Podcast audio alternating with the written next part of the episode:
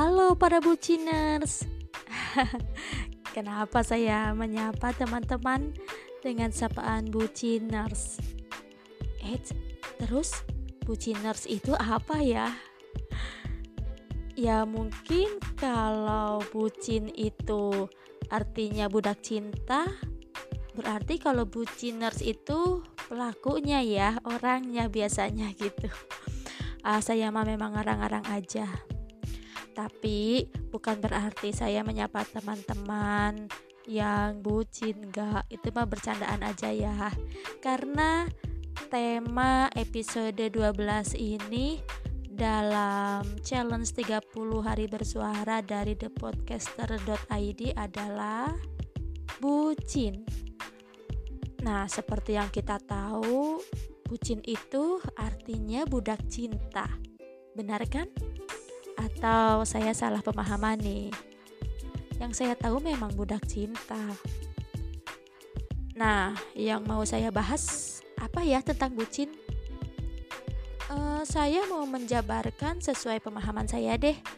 Setahu saya bucin itu kalau sekilas terdengar maknanya kurang bagus ya. Karena apa-apa kalau kita melakukan hal tentang romantis-romantisan atau membuat status yang mellow tentang asmara atau yang berlebihan itu ngebahas cinta, sayang, segala macam disebut bucin. Tapi kalau menurut saya pribadi bucin itu bukan hal yang negatif kok atau kurang bagus gitu. Mungkin tergantung porsi dan kita bisa menempatkannya kalau kita mendapatkan kepada pasangan ya bolehlah kalau yang uh, pacaran. Kan setiap kita itu beda-beda pemahaman ya. Ada yang suka pacaran ada yang ah saya mau langsung nikah aja itu hak masing-masing. Cuman setidaknya kita melakukan bucin itu memang ke orang yang tepat Ya bisa dikatakan di sini kita bahas ke pasangan yang udah halal aja ya, biar enak membahasnya. Setiap hari kita berkata sayang, bangun tidur, mau berangkat kerja atau di sela sedang istirahat. Kita uh, mengucapkan sayang, kata-kata romantis, aku cinta kamu, segala macam gitu. Itu malah menambah bumbu uh, keromantisan dan menguatkan hubungan kita ya. Meski dirasa kan bosen gitu-gitu terus. Nah, karena kita melakukannya dengan pasangan, ya kita bebas aja sih melakukan hal-hal yang udah di luar batas sekalipun ya kan karena kita udah halal. Yang dimaksud di luar batas itu yang tidak bisa dilakukan oleh yang baru PDKT atau pacaran. Kemudian bisa juga yang mungkin LDR gitu. Kita seru main chat atau stiker sekarang banyak yang lucu-lucu ya. LDR yang masih pacaran juga apalagi itu kan masih ABG ya. Kalau pacaran pasti e, biasanya masih muda tapi ada juga yang udah berumur pacaran mungkin yang udah pernah menikah terus e, sama-sama single. Ya mungkin maaf bisa dikatakan janda sama duda. Tapi kalau untuk keromantisan itu nggak ada batasnya kok. Mau itu masih muda atau udah ber, berumur gitu ya menurut saya nggak ada batasnya. Itu hak-hak uh, setiap masing-masing.